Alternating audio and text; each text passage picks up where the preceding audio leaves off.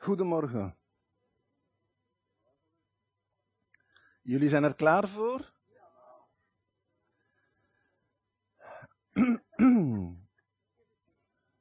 We hebben een machtig God. We hebben een gigantisch God. En we onderschatten vaak wie God is. Ik zal het vandaag met jullie hebben over een deel uit de Bijbel. En ik zal zeggen, dat is geen melk voor baby's. Dat is een, toch al een, iets dat niet zo gemakkelijk is. Zeker voor mensen die weinig over de Bijbel kennen. Maar ik ben hier toch bij het volk van God. En dus denk ik dat het goed is om daarover eens te spreken. Ik wil het vandaag met jullie hebben over een man die echt een hart heeft voor de Heere God. En zijn naam is Nehemia. En wie Nehemia zegt, die denkt al direct aan Ezra. Want de namen worden vaak aan elkaar gekoppeld, Ezra en Nehemia. En vroeger was dat ook één deel. Dat werd later, werden daar twee bijbeldelen van gemaakt. Maar Ezra en Nehemia, vroeger in de Hebreeuwse Bijbel, was één deel. Waarom wil ik daar nu over spreken? En waarom zeg ik nu dat God zo machtig is? Hij is machtig, moeten we niet aan twijfelen. Maar het is toch gigantisch. Gemeente, ik ben hier in de gemeente van, van God toch. We geloven dat dit het woord van God is, de Bijbel. Wat er zo fantastisch aan is, Nehemia is een man die naar Jeruzalem gaat en dat gebeurt in 445 voor Christus. Dus die jaartallen zijn voor Christus, akkoord? Maar we zien dat de profeet Jezaja, die had al geschreven dat er een zekere koning Kores ging komen, een Perzische koning, en dat die man, en in de geschiedenis kennen we die ook, en dat die man dat Joodse volk ging bevrijden, want die gingen ergens weggevoerd zijn in gevangenschap. Maar dat stond beschreven, beste vrienden, met de naam erbij. Dat is geen toeval. En dat die koning Kores die mensen ging sturen om Jeruzalem terug op te bouwen. Wow, het was nog niet afgebroken. We hebben een machtig God. En we zien dat de profeet Jeremia, die schrijft, bij Jezaja kun je dat vinden, hoofdstuk 44, eind 44 en eerste vers van 45 wordt er beschreven over Kores. Maar de profeet Jeremia, die heeft gezien hoe erg het met het, met het volk ging.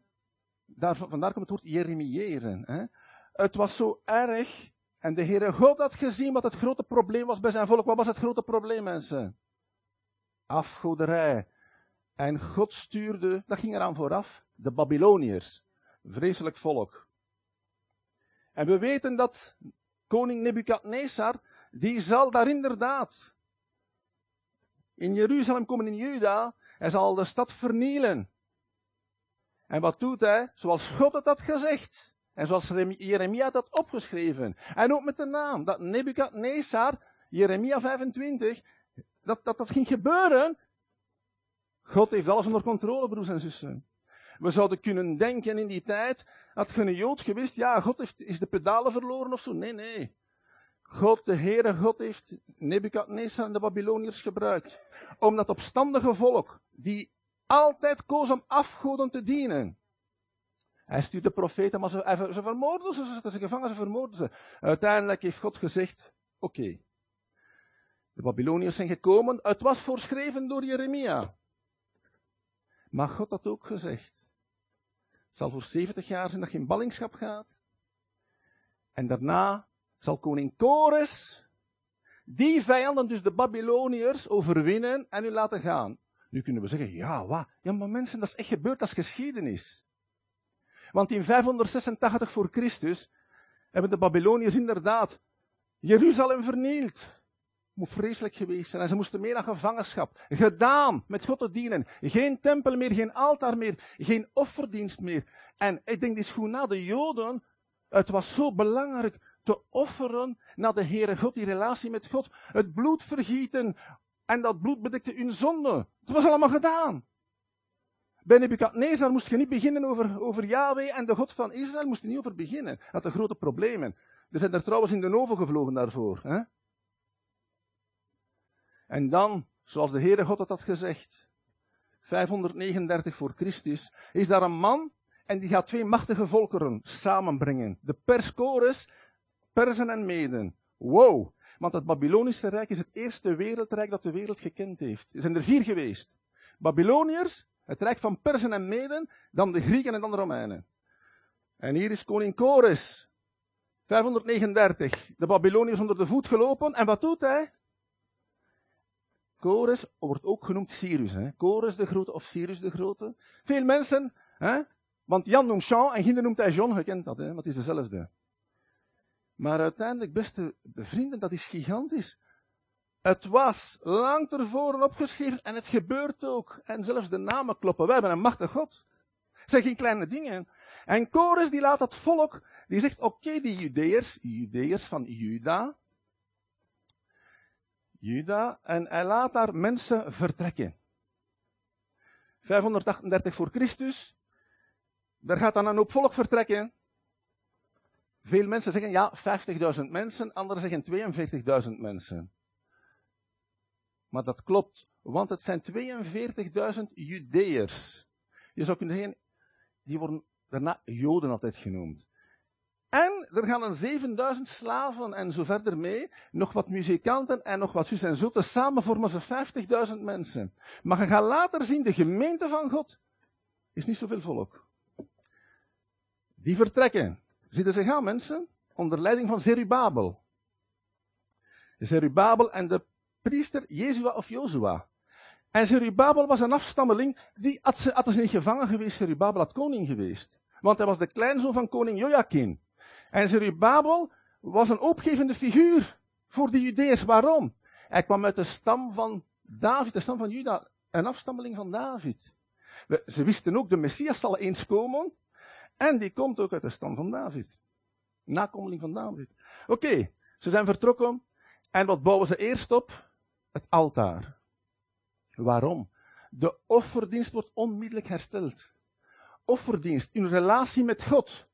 Ook erkennen, wij zijn toch zondig tegenover u, Heer. Maar eerst het altaar, niet eerst de tempel. En dan gaan ze daar rond de tempel bouwen. Bouwen ze de tempel. Het altaar is klaar in 537. 536 zijn ze aan de tempel begonnen. En het begint natuurlijk, want de duivel zit niet stil, mensen. Zowel van buitenaf als van binnenuit. Problemen en dat werk wordt stilgelegd. En God die grijpt in, die stuurt twee profeten. Agai of Agai en Zacharias. Agai zijn maar twee hoofdstukken of zo kunnen het daar lezen over de tempel. En de Heere God, de stoom komt uit zijn neus. Hè. Ah! Ze zijn aan hun eigen huisjes bezig, voor zichzelf een huisje bouwen, maar mijn huis. De profeten gaan en ze beginnen dan toch terug aan die tempel en hij raakt af. In 516 voor Christus. Zijn nu We moeten maar een heel tijdje wachten, want het is raar. Ik snap dat allemaal niet. 80 jaar later gaan er dan nog mensen vertrekken. Een kleine groep. Onder leiding van Ezra. De priester schriftgeleerde. En die man vertrekt. 80 jaar na Zerubabel komen die daar, daar aan. En uh, Ezra is een nakomeling van Aaron. De broer van Mozes, uit de stam van Levi. Is een priester. Is eigenlijk wordt beschouwd wij zullen zeggen, ja, Ezra, maar die wordt beschouwd als de tweede Mozes. Die gaat daar naar Jeruzalem en wat hij daar vindt, ja, is niet fameus. En hij is eigenlijk de man die dat volk terug in het spoor wil zetten van God met de wet van Mozes. En dan zien we dertien jaar later, komen we bij een man, Nehemia. En wie is die Nehemia? Want ten eerste Zerubabel was iemand, we zouden kunnen zeggen, van koninklijke bloeden. Hè? De anderen, ja, priester, schriftgeleerde, maar Nehemia was eigenlijk een gewone man. Was een, gewoon, was een man van het volk. Maar een man die God kent. En ik wil met jullie lezen uit Nehemia. En Nehemia hoofdstuk 1. En Nehemia die gaat eigenlijk naar Jeruzalem. En wat gaat hij daar doen?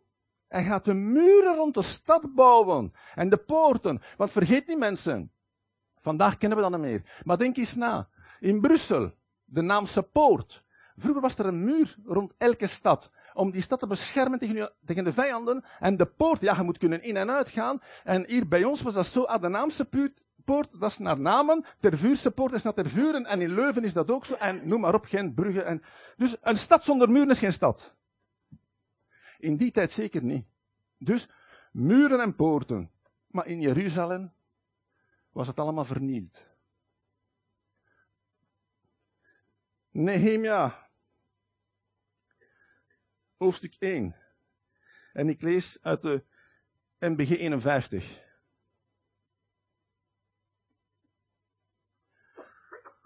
De geschiedenis van Nehemia, de, de zoon van Shakalia. In de maand Kislev in het twintigste jaar, toen ik in de burcht Susan was, kwam tot mij Shanani, een van mijn broeders, met enige mannen uit Juda. En ik vroeg hen naar de Joden, de ontkomenen die uit de gevangenschap waren overgebleven en ook naar Jeruzalem. Met andere woorden, die brave Nehemia, die man, die zit in Perzië. Aan de Perzische golf. De brug van Susan was een verblijf, een winterverblijf van de Perzische koningen. En hij krijgt daar een paar mensen op bezoek, zijn broer en een paar mannen uit Juda, en hij vraagt zich, en hoe zit dat daar met het volk in Jeruzalem en met de stad? Ze zeiden tot mij, de overgeblevenen die daar in het gewest uit de gevangenschap zijn overgebleven, verkeren in grote rampspoed. Dat klinkt niet goed, mensen. En smaad. En de muur van Jeruzalem is afgebroken en zijn poorten met vuur verbrand. Zodra ik deze woorden hoorde, zette ik mij neder, weende en bedreef rouw. Dagenlang.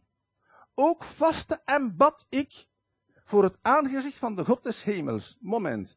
Dus die Nehemia, die zit daar. Want stel u voor, je gaat straks zien, die had een heel belangrijke functie. Hij was schenker bij de Persische koning, de machtigste man van heel de wereld. Stel u voor, Gellen hier, ieder moest dat voor zichzelf eens bedenken. Gellen woont, laat ons zeggen, in Madrid. En je bent daar geboren. En je woont daar bij de machtigste man ter wereld. En je bent een van de weinigen die toegang tot die man hebben. Want daar kwam de Zuma niet bij. Weet je zelfs de koningin. Die moest toestemming krijgen om bij de koning van Perzië te komen. Hè? Daar liep de zomaar niet binnen, dat kost u gewoon uw leven kosten. En je moest die niet aanspreken van, hij zegt, sire majesteit, beste koning, uh, moet u iets vragen, want dat kost uw leven kosten. Je mocht gewoon antwoorden als hij u een vraag stelde. Dat was de oppermachtige. Wij kunnen ons dat niet voorstellen, want al die andere koningen, zoveel landen stonden onder zijn bevel. Al die koningen en gouverneurs en wat dan ook, dat waren allemaal slaven van hem. Hè? Niet vergeten, hè? wij leven in een andere tijd. En die Nehemia werd daar dik voor betaald, die Jood. Plus, stel je voor mensen, jij zit daar in Madrid. Je bent nooit in Jeruzalem geweest. Je bent daar ook niet geboren, want die mensen waren geboren in de gevangenschap. Akkoord? Wij zouden kunnen denken, oh, ik ben nooit in Brussel geweest. Dat, dat, dat die muren van die stad daar kapot liggen. En die poorten van de stad. ik zit ik hier goed. En eigenlijk, wat is het probleem? Het altaar is erbouwd door Zerubabel en de tempel ook. Wat is het probleem? Zijn wij niet zo, mensen? Wij zitten hier met ons schat in de goede boter. We worden dik betaald. We hebben aanzien. Ik ben een van de weinigen die bij de machtigste man van de wereld elke dag mag binnenkomen. Wow. Dat is ons mentaliteit. Wij zitten hier op rozen, laat maar doen. Die Nehemia die begint te wenen. Rouwbedrijf, weet wat dat is? Als uw geliefde sterft, dan gaat je rouw bedrijven. Bidden, vasten, neem maar eten. Oei, en ik eet zo graag. Dag en nacht. Wow. Wat gebeurt er met Nehemia? Wat gebeurt er met die man? Is dat normaal? Wat, wat is zijn probleem?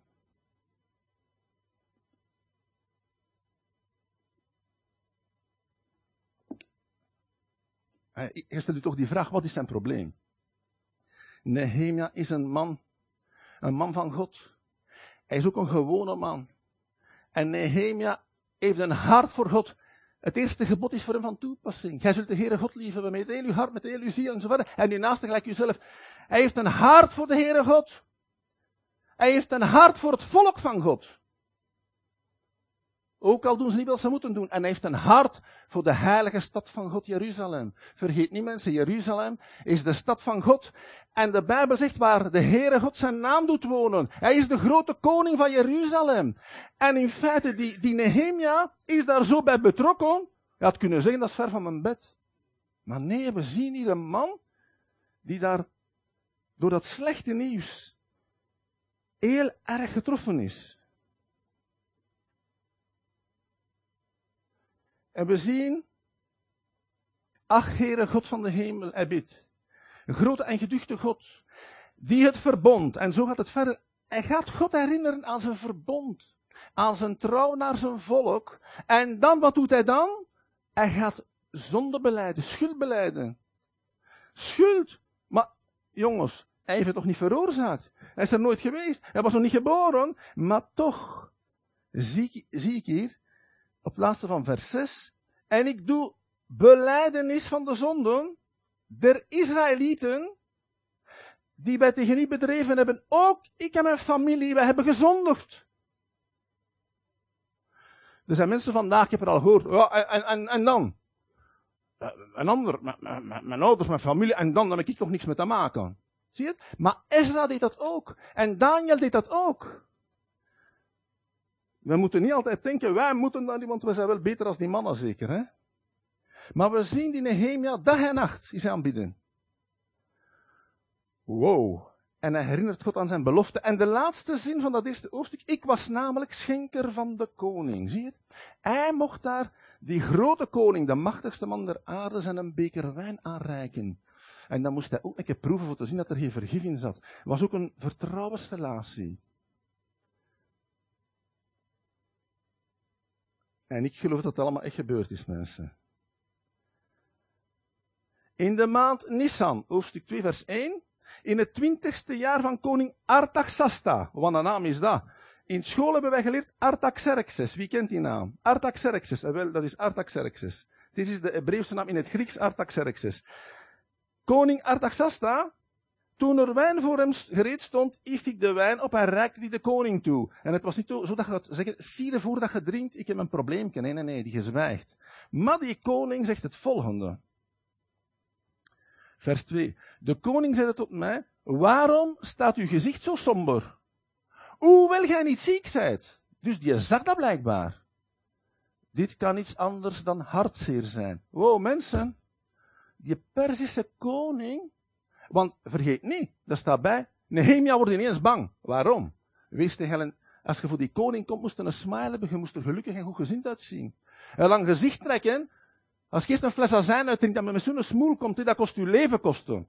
Ja, dus die mannen lachten daar echt niet mee. Hartzeer.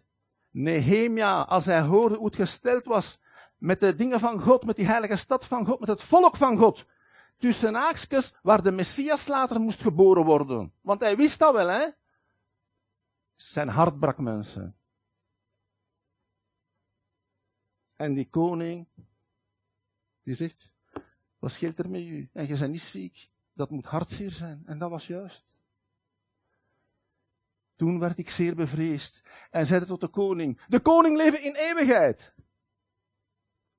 Hij zou mijn gezicht niet, hoe zou mijn gezicht niet somber staan? Daar de stad de plaats waar de graven mijn vader zijn. En voor de Persen was dat ook belangrijk, de graven van hun ouders en zo. Hè? Verwoest en haar poorten met vuur verteerd.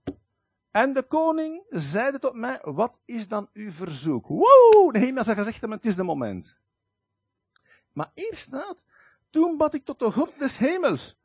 Maar mensen, als die koning vraagt, ja, wat is uw verzoek? Ja, bidden kunt je niet. Dat is een, ze noemen dat een schietgebedje. Die zal waarschijnlijk iets kort gezegd hebben, heren, help, hè. En ik zei tot de koning, bla bla bla, hij wil naar daar gaan om de stad te herbouwen. En wat zegt die koning? Oké, hoe lang gaat we wegblijven? En ik gaf hem een bepaalde tijd op, vers 7, en ik zei tot de koning, Nehemia was geen uilmens, maar wij geloven dat God hem gebruikte. Indien het de koning goed dunkt, laat me en me dan brieven geven voor de landvoogden. Ah ja. Jij moet daar, ik weet niet hoeveel streken en landen door. En daar zijn allemaal gouverneurs, verantwoordelijken, en dat waren allemaal geen brave jongens, hè. Dus hij kreeg brieven die hem doorgang gingen geven. Hij vraagt dan ook nog een brief voor de houtvester om hout voor die poort en die brug daar te erbouwen, et cetera. En wat is er zo belangrijk? Het einde van vers 8. En de koning gaf ze mij, daar de goede hand van mijn God over mij was. Halleluja. En hij gaat op weg. En de duivel, mensen, je kunt zoveel zever verkopen dan dat je wilt. Maar als je echt aan het werk van God gaat bouwen, hè, de duivel komt in actie, zonder twijfel. En hij gebruikt daarvoor ook mensen. Gelijk dat Nehemia zal ingeschakeld worden in het plan van God, zullen er ook andere mensen de duivelse machten vertegenwoordigen. En het begint al direct. Toen de Honoriet of Honoriet Sambalat en de Ammonitische slaaf Tobia het hoorden, werden ze zeer hevig ontstemd dat er iemand gekomen was om het goede te doen voor de Israëlieten. Dat is nog maar een begin. En onze vriend Nehemia, die komt dus in Jeruzalem. En wat gaat hij doen? Hij gaat eens zien. De schade is bekijken. En dan gaat hij spreken tot die Joden die daar zitten, want er was toch een probleem. 93 jaar voor Nehemia, want hij vertrekt 13 jaar naar Ezra. Ezra 80 jaar naar Zerubabel. In andere 93 jaar. Er is al zoveel volk naar hinder vertrokken. Altaar en tempel zijn erbouwd, maar die muren hebben ze niet gedaan. Die poorten hebben ze niet gedaan. De stad is niet beschermd. En daar zit daar van alles binnen. Van alles. Ook lagen er nog veel huizen in puin. Maar denk nu eens na, broeders en zusters. Het altaar en de tempel. De eerste fase van deze altaar. Offerdienst, relatie naar God. Tweede tempel. De tempel, het huis van God. Want de, de, de Heer zal in zijn tempel wonen. Wij weten vandaag de tempel van de Heer is de gemeente. Elke christen zou een tempel van de Heilige Geest moeten zijn en samen vormen ze de tempel van God. Dat weten jullie. En in het hemelse Jeruzalem zal God zelf de tempel zijn. Amen. Ja, maar nu, de derde fase, de stad. We zitten hier allemaal, alleluia. Ik weet niet of dat jullie echt enthousiast zijn, maar christen zijn, of volk van God zijn, elke zondag tussen 10 en 12, dat is gemakkelijk. Halleluja! En in de handen plakken en armen in de lucht. Maar oh, welke christen zijn wij van maandag tot en met zaterdag? Buiten in de stad. Daar gaat het om. En dat ligt zo nauw aan het hart van Nehemia. Want die muur, de heilige stad van God, moest het volk van God, dat apart gezet werd. Heilig moesten ze zijn. Apart gezet betekent apart voor God. En het was zo niet. Er gebeurde van alles, maar niks dat goed was. En het Joodse volk zat in de gevarenzone, broers en zussen. Ik weet niet dat je dat beseft. Want uiteindelijk ja, ze hadden er al, ik weet niet veel, huwelijken aangegaan met mensen van een ander geloof. Er waren al veel kinderen verwekt die die taal van het Joodse volk niet spraken. De wet van Mozes, wat is dat? Er waren er veel. Echt waar, het was, maar, het had ook te maken met de identiteit. Wat is jullie identiteit? Kind van God in Christus, dat moet de identiteit zijn. En bij hun, volk van God. De God van Abraham, Isaac en Jacob. Dat moest uw identiteit zijn. En de muur van de stad beschermt de stad tegen de vijanden en die poorten ook. Maar er moesten ook geestelijke muren gebouwd worden. En daarom is Ezra gegaan, de schriftgeleerde priester. En Nehemia moest de muren, de fysieke muren bouwen. In het boek Nehemia staat zoveel informatie kunnen we het allemaal niet over hebben, kunnen veel preken over hadden. Ook elke poort heeft een betekenis. Maar denk eens na. Er waren poorten, de schaapspoort, de vispoort, waterpoort en zo verder. Maar er was ook een aspoort, afvalpoort. Dus in die stad moeten dingen binnenkomen. Maar de vuiligheid moest langs de aspoort buiten. Vroeger als de mensen met kolen branden. Ja, ze hadden assen, ze moesten naar ergens wegkappend vuil. Zo is het ook met ons. Gemeente, er zijn deuren het vuil moet naar buiten. Een mens die de Heer Jezus ontmoet, het vuil moet naar buiten. En het propere water moet binnenkomen van de Heilige Geest, bronnen van levend water. Dat is ook zo met die stad, de heilige stad van God. En het was daar een puinhoop. Er moest een scheiding gemaakt worden. Heilig en niet heilig, rein, onrein. Wat bij God hoort en niet bij God hoort. En dat was nu niet. Het was er een regelrechte ramp.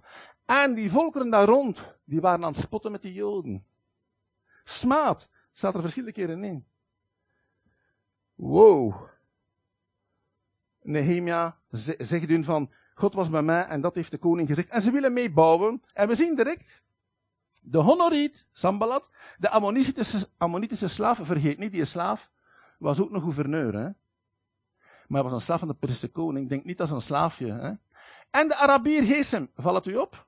Daar juist waren ze met twee, nu met drie. En straks komen er nog de Asdodieten bij. Met andere woorden, de Honoriet is de gouverneur-stadhouder van Samaria, Samaritanen. De andere, Ammonieten, is nu waar Jordanië ligt. De stad Amman komt van Ammon.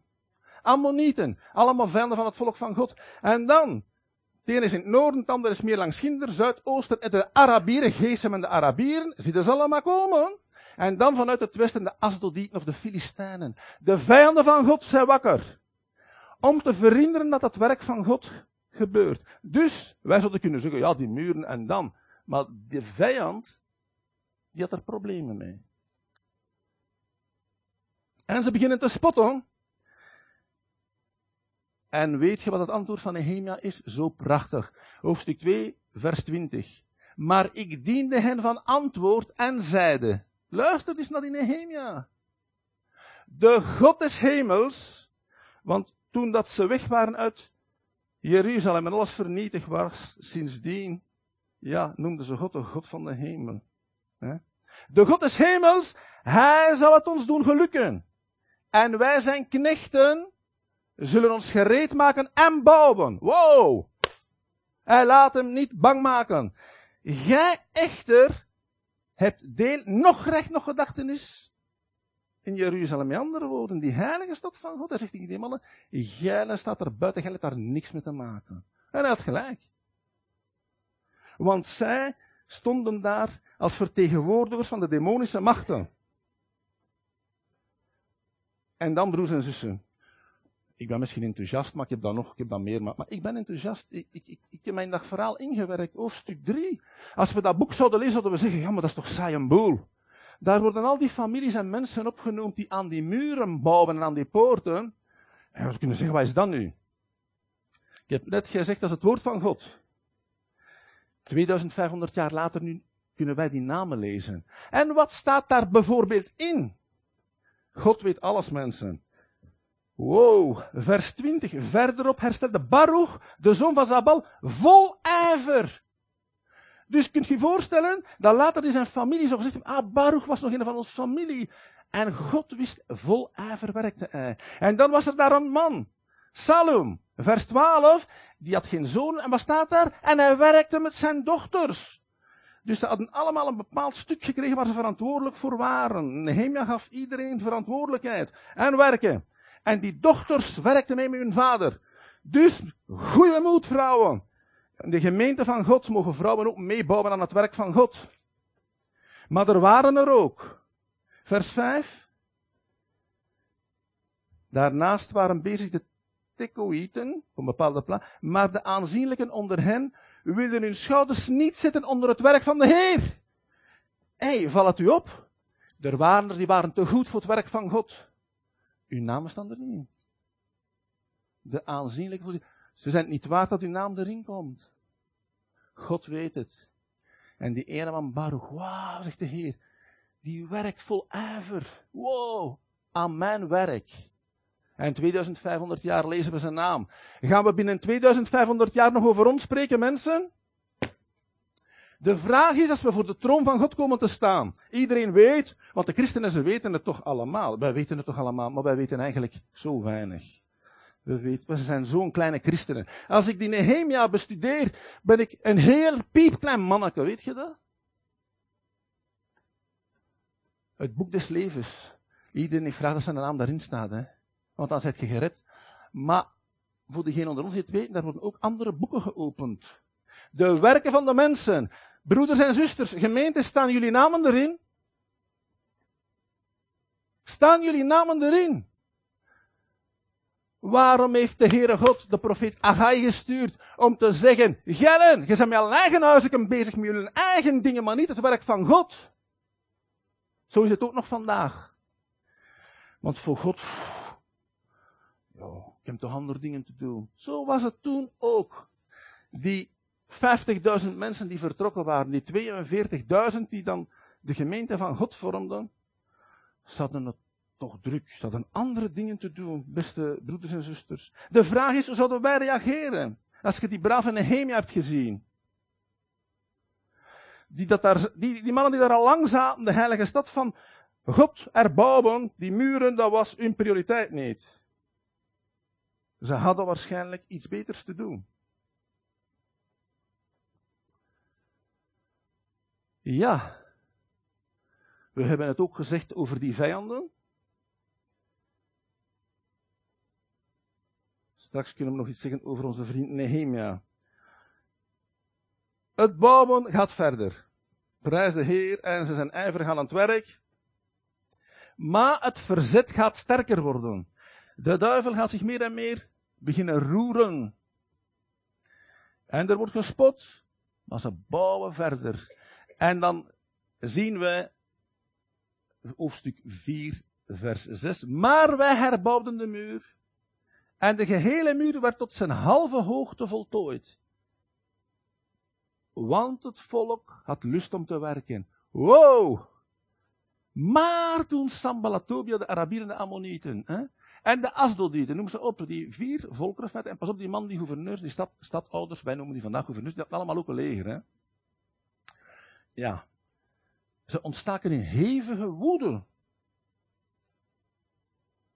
En wat doen ze? Ze maakten allen een samenzwering om ten strijde te trekken. Dus wat waren ze van plan?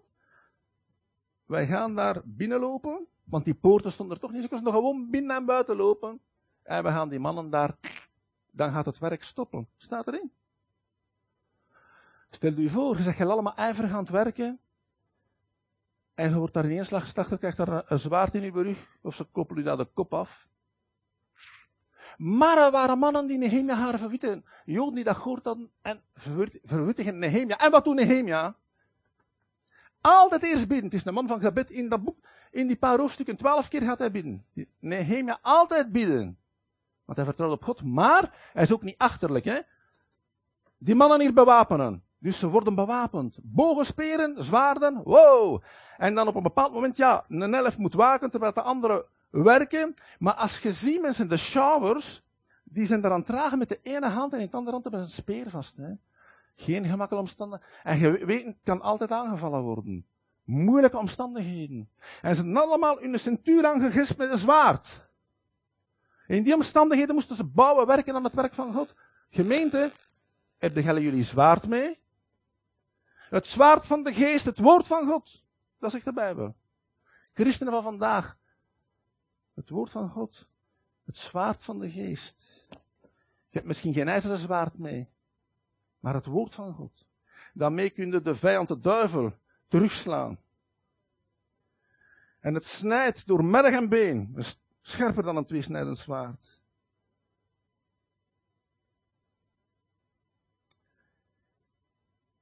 De duivel is een oude strateeg. Duizenden jaren ervaring. Er zijn soms mensen die zeggen, ik ga die duivel pakken. Moet er niet aan beginnen zonder Jezus. Want je gaat iets meemaken. Ja? Hoofdstuk 5. Problemen. Die mensen naar de gemeente van God. Grote problemen. Ah, de vijand begint binnenin te werken. De vijand kan buiten werken. En dan kunnen wij nog zeggen, kom, we doen de deur toe. Doet de deur toe. Hij zet alarm aan. Er is er wel geen kom. Maar als de vijand binnen zit. Daar was het. De rijken buiten de armen uit. En van die arme mensen, volk van God, die zeggen, ja, zijn die kinderen meer dan de onze? We hebben onze dochters al als slavinnen moeten geven. Die arme boerken hadden hun, hun grond, hun wijn al moeten afgeven. Want die moesten zwaar belastingen betalen aan de Persische koning. En die rijken, ja. Hè, er waren er al die slaaf werden van, eigenlijk, we zullen zeggen, vandaag zullen we christelijke broeders. Hè, en die mensen konden meer eten. En Nehemia, een man van God. Maar hij gaat daar keihard optreden. Keihard. En hij, als stadhouder, heeft recht om van dat volk belastingen te eisen. Dikke poen. Gelijk nu de politiekers. En wat zegt Nehemia? Ik heb het nooit gedaan. Omdat ik medelijden met het volk had. Ze zaten al in armoede. Ze moesten al hard werken. Ik heb het nooit gedaan, hoewel het mijn recht was. Al de andere stadhouders voor hem hadden gedaan. Iedereen deed het. Hij alleen niet. Uit medelijden voor het volk. En voor wat nog? Staat in de Bijbel. Omdat ik God vrezen ben en vreesde de Heere God. En elke dag onder 50 mensen gaf hij eten van zijn geld. Dat hij verdiende dat bij de Perzische koning. Een vraagje, mensen. Hoe lang zouden jullie het volhouden? Onder 50 mensen per dag eten geven van uw geld. Ik kan dat niet betalen. Nehemia, dat is een man van God. Die gaat daar niet te veel zotte dingen vertellen, ze, maar wat hij zegt is juist. En wat hij doet is juist. Die gaat daar niet elke dag vertellen, de Heer heeft mij gezegd, dus en zo doet hij niet. Actie.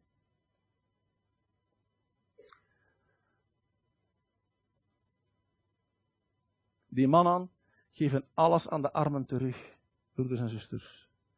En ze, ze, ze, gaan akkoord met diegene die het nog doet. Zo zal God hem uitschudden. En hij schudt zo aan zijn kleed. Dat zijn, hè, dus dat je niks meer gaat hebben. En ze zeggen dan allemaal. Nou, het volk was akkoord. Zeer goed. En nu voltooiing van de muur onder tegenstand. Ja, die mannen hebben de aanval met de zwaarden niet gedaan, want ze zien, ja, die gasten zijn nu allemaal bewapend. Dat is zo. Gelijk vandaag zijn er ook mensen, ze gaan een winkel binnenschieten, daar een paar mensen neer. Nogal helden, hè. Maar moesten die mensen die daar binnen zitten allemaal een wapen hebben, ze dat niet doen. Want dan lopen ze zelf te veel risico. Dat is juist hetzelfde. En dan gaan ze de list toepassen. Ze willen Nehemia vier keer uitnodigen. Kom jong, wij als stadhouders, laat ons een keer aan tafel gaan zitten en een keer praten met elkaar. Ken je dat? Maar Nehemia gaat niet. En hij zegt, ik wist dat ze me kwaad wilden doen. Dat ging niet. En dan passen ze het systeem toe.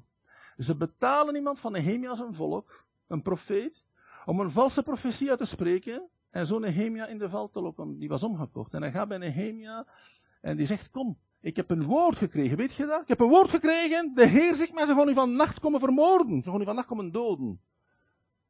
Kom, zegt hij, laten we in de tempel u gaan verstoppen. Nehemia zegt nee, doe ik niet. Want Nehemia wist heel goed dat hij in de tempel daar niet binnen mocht, dat was alleen voor de priesters. En dat er nog een ander gegeven zijn, maar dat staat niet in de Bijbel. Naar het schijnt, mensen die veel slimmer zijn dan ik, die zeggen dat hij waarschijnlijk een eunig was daar bij de koning in Perzië. En jullie weten, een gekasteerde man mocht er ook niet binnen. Het was voor de priesters voorbehouden en niet voor het gewone volk. Dus hij wist als hij dat dit heiligschennis, stond de doodstraf op. Dus Nehemia trapte niet in die val. Prijs de Heer. En we zien, dan gebeuren er ook nog dingen, familiebanden, kinderen en die is familie van die en van de. En dan we proberen altijd Nehemia in de val te lokken, om dat werk aan die muren en die poorten stil te leggen. Wat is daar toch zo belangrijk aan? Voor ons misschien niet, maar voor God wel. En voor de duivel ook mensen. Maar Nehemia trapt niet in de vallen. En wat gebeurt er? Hij gaat bewakers zetten. Poortwachters. Die mannen moeten waken over wat er hier binnenkomt. Gemeente vandaag. denk na. Die stad Jeruzalem en die muren en die poorten is ook een beeld van de gemeente. Uh, ja. Zijn er poortwachters in de gemeente? Wij, ik denk dat wij allemaal een beetje poortwachter moeten zijn en moeten kijken en zien wat er de gemeente binnenkomt. Want ik weet, in het begin stuurde Jezus zijn leerlingen, zijn discipelen, naar de wereld, wij noemen dat dan de wereld, om het goede nieuws te brengen. Maar is het niet zo dat de wereld meer en meer de gemeente van God is binnengekomen? Ik vrees dat dat een groot probleem is. En het is niet nieuw. Het was in de tijd van Nehemia ook zo.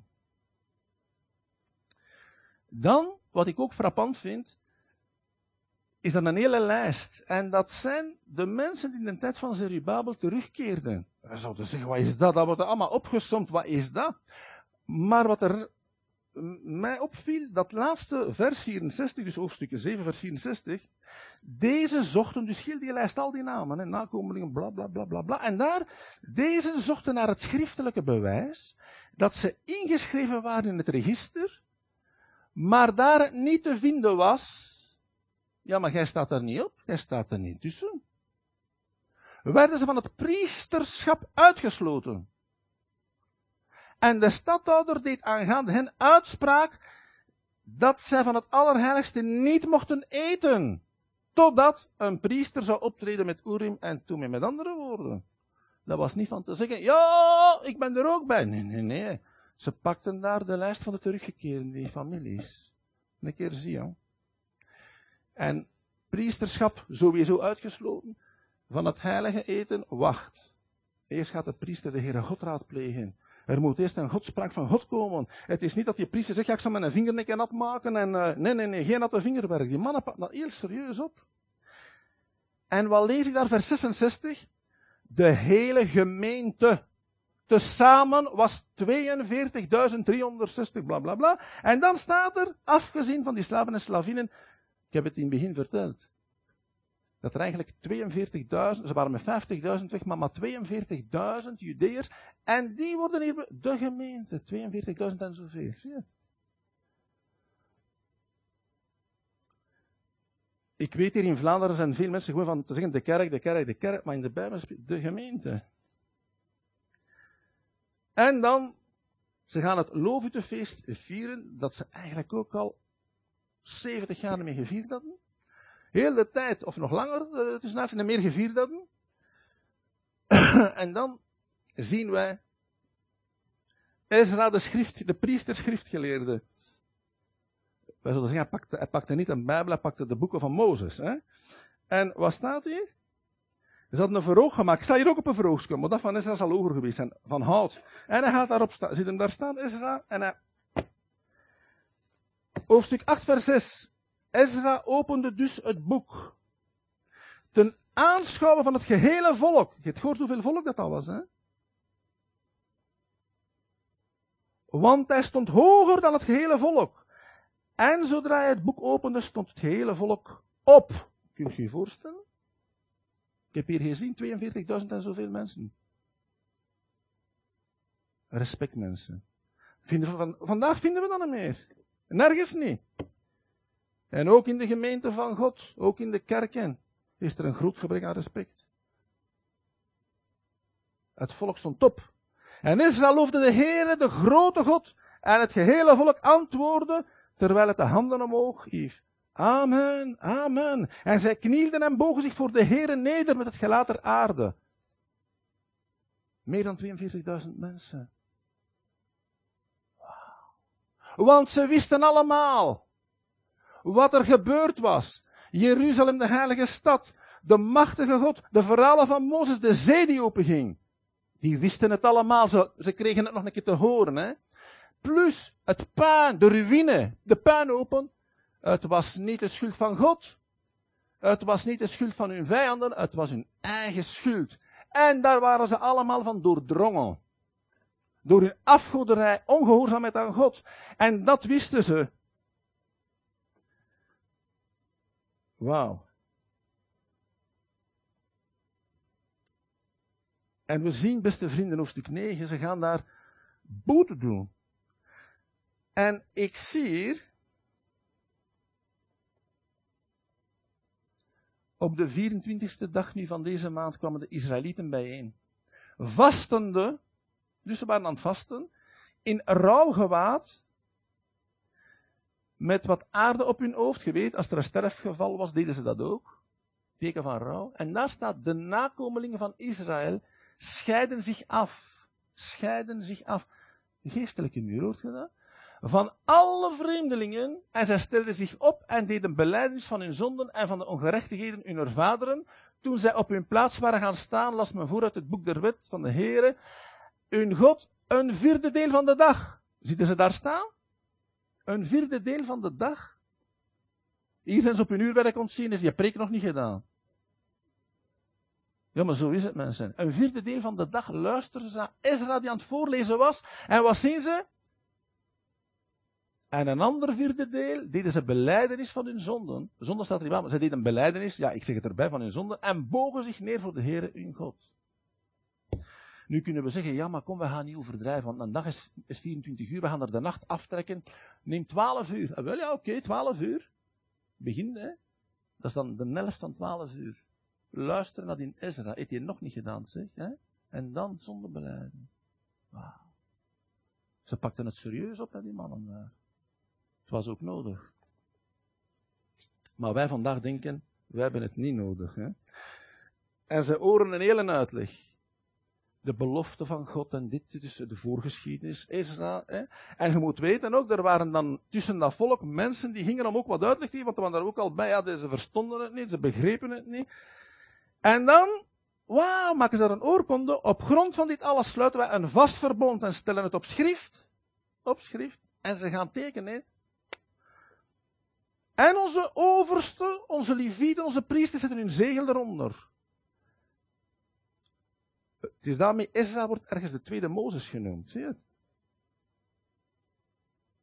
En zo verder. Er waren een paar dingen, ik ga het allemaal niet opnoemen. Maar ook, het groot probleem, als ik daarnet zei, ze moesten scheiding maken van de vreemdelingen. Je moet dat niet verkeerd verstaan. Dat betekent niet mensen dat van een ander land komen, want er zitten er zo in de kerk. Hè? Dat betekent het niet. Ze mochten niet trouwen met vrouwen van een ander volk dat een ander geloof hadden. En ze mochten hun dochters niet geven aan mannen van een ander volk die een ander geloof hadden. Dat jij nu wit, zwart, geel, weet ik wat zijt, mogen zijt Jood. Was het geen probleem. Het is geen racisme. Het had te maken met de Heere God. Dat volk moest apart gezet worden. Waarom? Ja, God wist heel goed waarom. Later ging daar God zelf zich laten geboren worden in zijn zoon Jezus Christus. De Messias in Bethlehem in de stam van Juda. En als ze daar nu maar zitten te doen. Hoe lang is het geleden? Het was 445 voor Christus. Waar moest hij dan geboren worden als er geen Joden meer gingen zijn? Als je daar allemaal mensen hebt die andere talen spreken, behalve de taal van God, en ze kennen de geschriften van God niet. Veel, veel geluk ermee, hè? De duivel weet het ook en die zit niet stil. De Sabbat houden. Ja, ze waren commerce aan toen op de Sabbat. Geld, geld, geld. Vandaag ook veel christenen. Ik heb dat van een ongelovige gehoord en die zei, ja, de christenen en die gelovigen. ja, geloof God, ja, zeg maar. Hij gelooft op tickets en hij portefeuille, geld. Heeft hij ongelijk? Ik weet het niet. In sommige gevallen wel, in sommige gevallen misschien niet. Er was ook gezegd, en jij gaat moeten geven. Gaven voor de tempels, uw tiende voor de levieten en de priesters. Ja, en het volk was allemaal akkoord. Dat is toch tof? Ze zijn allemaal akkoord. En dan uiteindelijk feest, hoofdstuk 12, ze gaan die muren heiligen en inwijden. Het volk werd geheiligd en oh, en gekend aan de muren. En met muziek, mannen. De ene groep vertrekt zo op die muren, die richting en de andere zo. Bij de ene groep gaat Ezra mee, bij de andere groep Nehemia. Wow! De muren zijn erbouwd. Prijs de Heer. Onze vriend Nehemia is daar nu twaalf jaar gebleven. En hij gaat terug naar die koning Artaxasta of Artaxerxes. En ondertussen loopt het daar al terugvalt. En uh, we kunnen dus niet zeggen van, wow, we met feest afsluiten, er komt nog één hoofdstukje achter. Nehemia komt terug. En wat constateert hij daar? Misere. Misere. Oh, waar zijn die levieten hier? Die mannen die in de tempel priesten, waar zijn die? En die zangers in de tempel diensten oh, waar zijn die? Als ze zijn naar hun velden. Het volk betaalde niet. Ja, die mensen moeten toch leven? Ja, die moesten voor hun eten gaan zorgen. Uh, wat? En wat is dat hier? Op de Sabbat handel drijven. Ik weet niet hoeveel waren getrouwd. Met vreemde vrouwen. En daar staat, ik zal straks voorlezen, ik zal de vers zeggen. De helft van de kinderen die daar verwekt waren, spraken de taal niet meer van de Joden, maar wel Asdoditisch, de taal van de Filistijnen. Hallo, kunt je je voorstellen? Als je dan zei ja, maar ja, uh, we moeten flexibel zijn. En de liefde, en de zus, en de zo. Ja, ze zijn het volk van God eraan het uitkweken. Weet je? Dat was er aan het gebeuren. En Nehemia, we weten niet hoe lang dat hij weg geweest is, maar die is niet zo lang weg geweest. Hè. Die constateert dat Wow, onmiddellijke actie. De Sabbat. Commerce doen op de Sabbat. Jij weet toch dat het de dag des Heren is.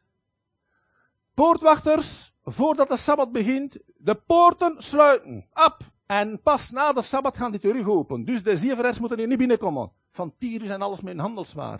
Maar wat gebeurt er? Die mannen, hè, die handelaars blijven daar aan de poorten zitten. Ook op de Sabbat en aan die muren. Wat zegt Nehemia?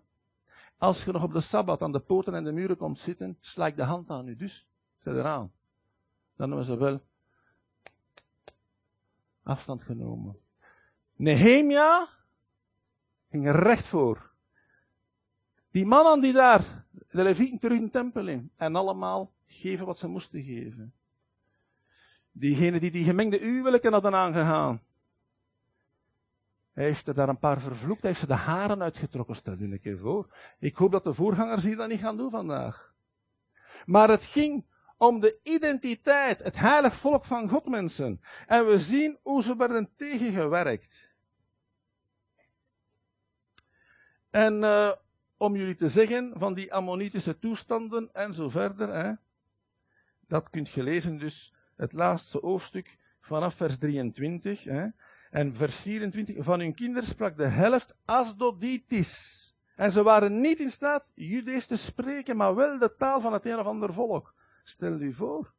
Maar daar moest de Messias uitgeboren worden uit dat volk. Ja, dan moet je ingrijpen. Of niet? Zie ik mensen, wij hebben Nehemia doorwandeld. Wow. Wat heeft dat nu met ons te maken? Hier zijn waarschijnlijk een paar slimmeriken bij die zeggen, ja, de luxe, wat heeft dat nu met ons te maken? Het is 2500 jaar geleden.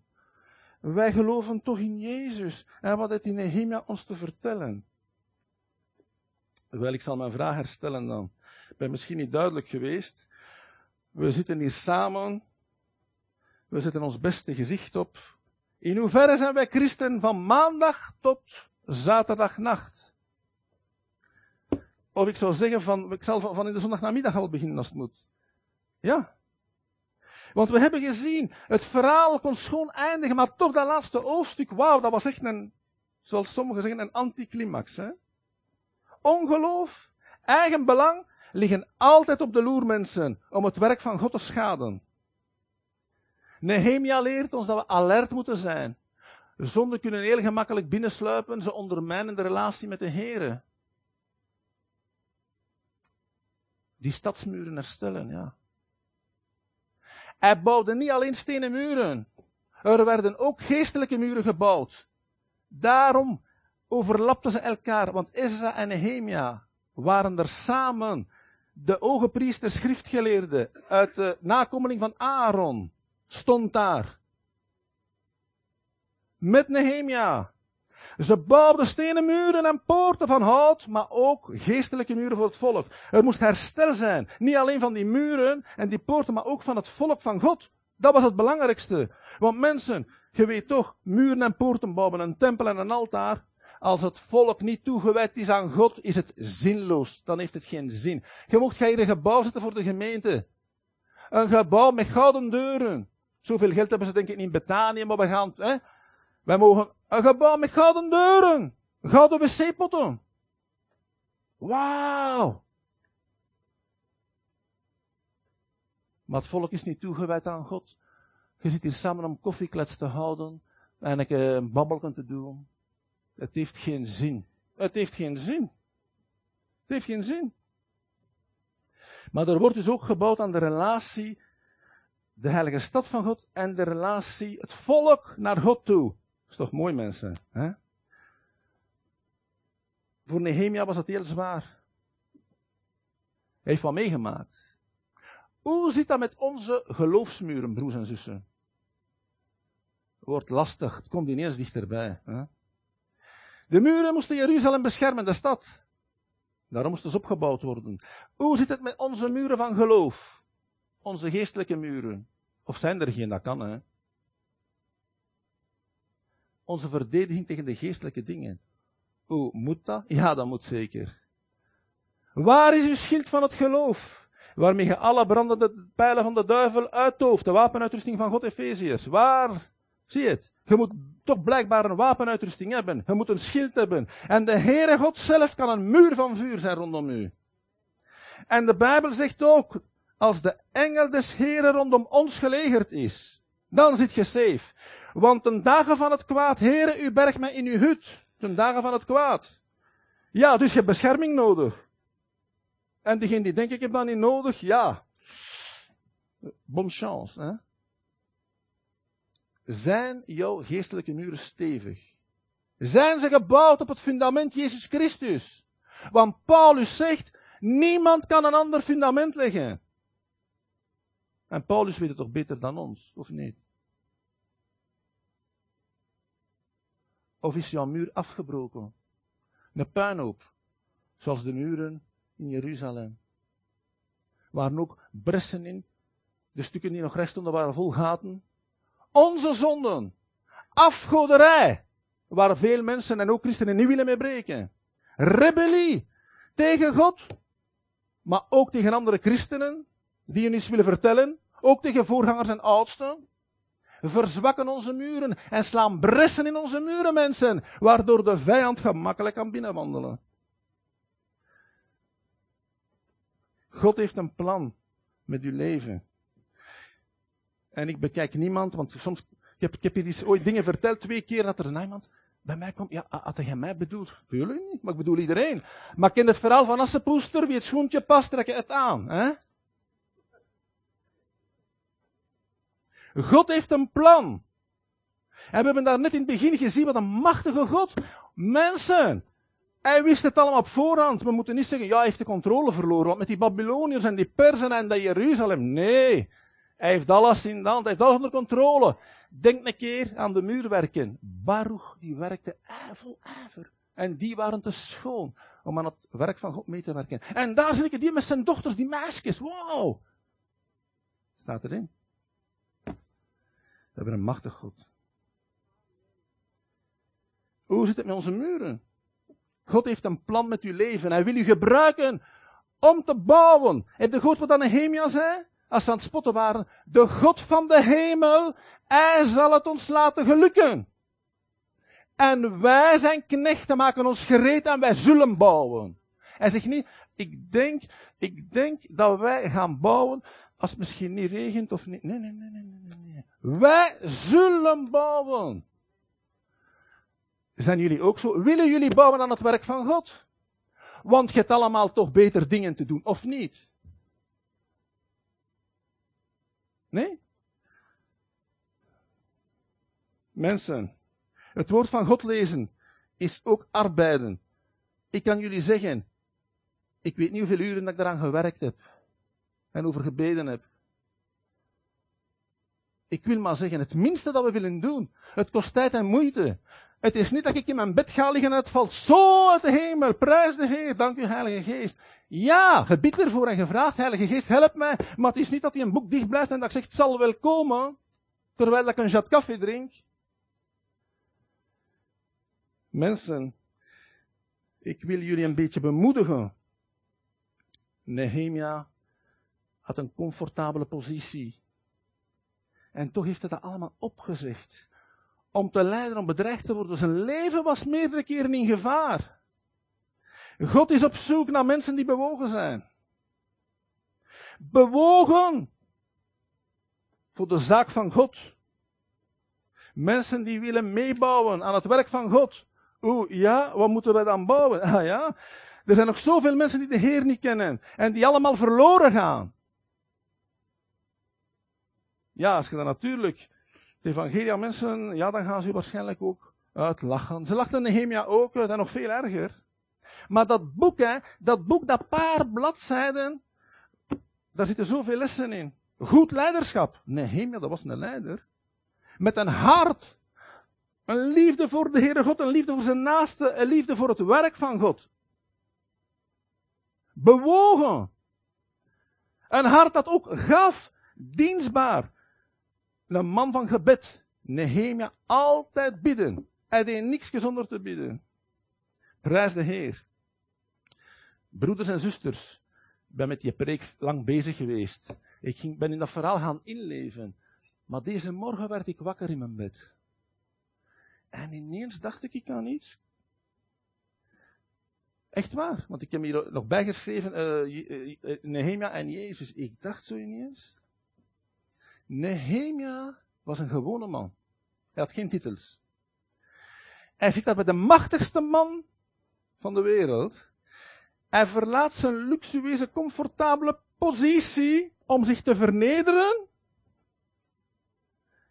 te werken, bespot te worden. Ze wilden hem doden voor het werk van God. En dan dacht ik, Jezus heeft de Vader verlaten in de hemel. Zijn comfortabele, machtige positie, de allerhoogste in het heelal. Wow, daar is die koning van Perzië niks tegen. Maar hij heeft zijn heerlijkheid verlaten. Hij is gekomen als een gewone mens van vlees en bloed. Nehemia was ook een gewone mens. Om het werk van God komen te doen, Jezus. En weet je, ze hebben hem bespot. Ze hebben er van alles mee gedaan. En ze hebben hem vermoord. En wat is er gebeurd met Jezus? Hij is terug naar de hemel gegaan. Hij is aan de rechterhand van de Vader. Nehemia na twaalf jaar gaat hij terug bij Artaxasta, Artaxerxes. Terug bij die koning. En wat gebeurt er? Wij weten dat Jezus nog gaat terugkomen. En wat gaat hij hier vinden? Nehemia kwam terug. Zijn tweede komst in Jeruzalem. En je hebt het gehoord. Hij heeft er daar een paar vervloekt en de haren uitgetrokken. Hij heeft daar echt het karretje op de rails moeten zetten. Hij heeft daar met harde hand moeten ingrijpen. Voor alles. Geld was blijkbaar ook belangrijk voor die mannen. Hè? Ze gaven niet voor het werk van God, niet voor de tempel, niet voor de levieten en de priesters. Handel drijven op de Sabbat. Iedereen moet leven, hè Hans. Hè? En de zaterdag toch ook, waarom niet? En dan hadden zo de eet afgelegd. We gaan het niet doen ons nog mengen met die andere volkeren. God had het al lang verboden. Ze hadden het terug gedaan. Nehemia heeft eigenlijk serieus op de rem geduwd. Hij is ook een beeld van Jezus. Vinden jullie dat niet?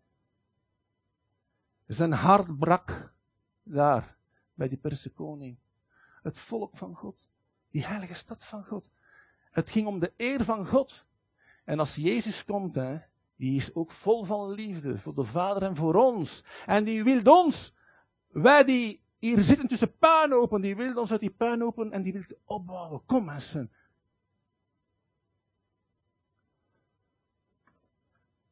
Willen we meebouwen aan het werk van God? Wat is onze prioriteit? Ik ga afsluiten. Gemeente. Wat zou de Heer vandaag van ons vragen? Is er een verschil tussen ons en de wereld?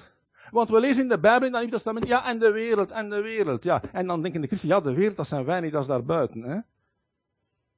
Nog een geluk dat er muren in de gemeente hier staan, hè, want anders zit ook buiten. Is er een verschil tussen ons en de wereld? Of zijn we helemaal gelijkvormig geworden aan de wereld? Dan moeten we ons echt bekeren, want dan hebben we een groot probleem. Je kunt ermee lachen, maar het is zo. Nu kun je zeggen, ja, maar ik weet het niet. Hebt je blinde vlekken? In welke dingen hebben we tegen de Heer gezondigd? Vergeet niet. Het was een afgoderij die de oorzaak was van, van die boeken, hè. Ezra, Nehemia, Agai. De afgoderij van het volk van God. Het was niet het volk daarbuiten of de wereld, nee, nee. Gemeente, hoe zit het met ons? Welke dingen doen u pijn en verdriet als je naar de gemeente kijkt of naar de kerk kijkt? Je kunt zeggen, wow, pff, Nehemia zijn hart brak. Ja, zijn liefde voor God en voor de, voor de mens. Hij was wel in de wereld, maar niet van de wereld. Waarin onderscheiden wij ons van mensen die niet geloven? En de laatste twee zinnen. Velen zijn ijverig voor de wereld. Ik heb er ook gekend, christenen. Heel ijverig voor de wereld. Ook in het weekend. Maar niet voor God. Ik heb het al twee keer gezegd. En voor degenen die slapen een derde keer. De werkers staan met hun namen in het boek. Hun werken. Staan onze namen in het boek van God? Ik ken het antwoord niet. Maar wat ik wel weet en dat ik wel geloof, hij kent onze werken. Zowel de kleintjes als de grote, maar de Heere God kent ze. Net zoals hij zei van Baruch. Hij werkte vol ijver aan het werk van God. De Heere zegene jullie. Amen.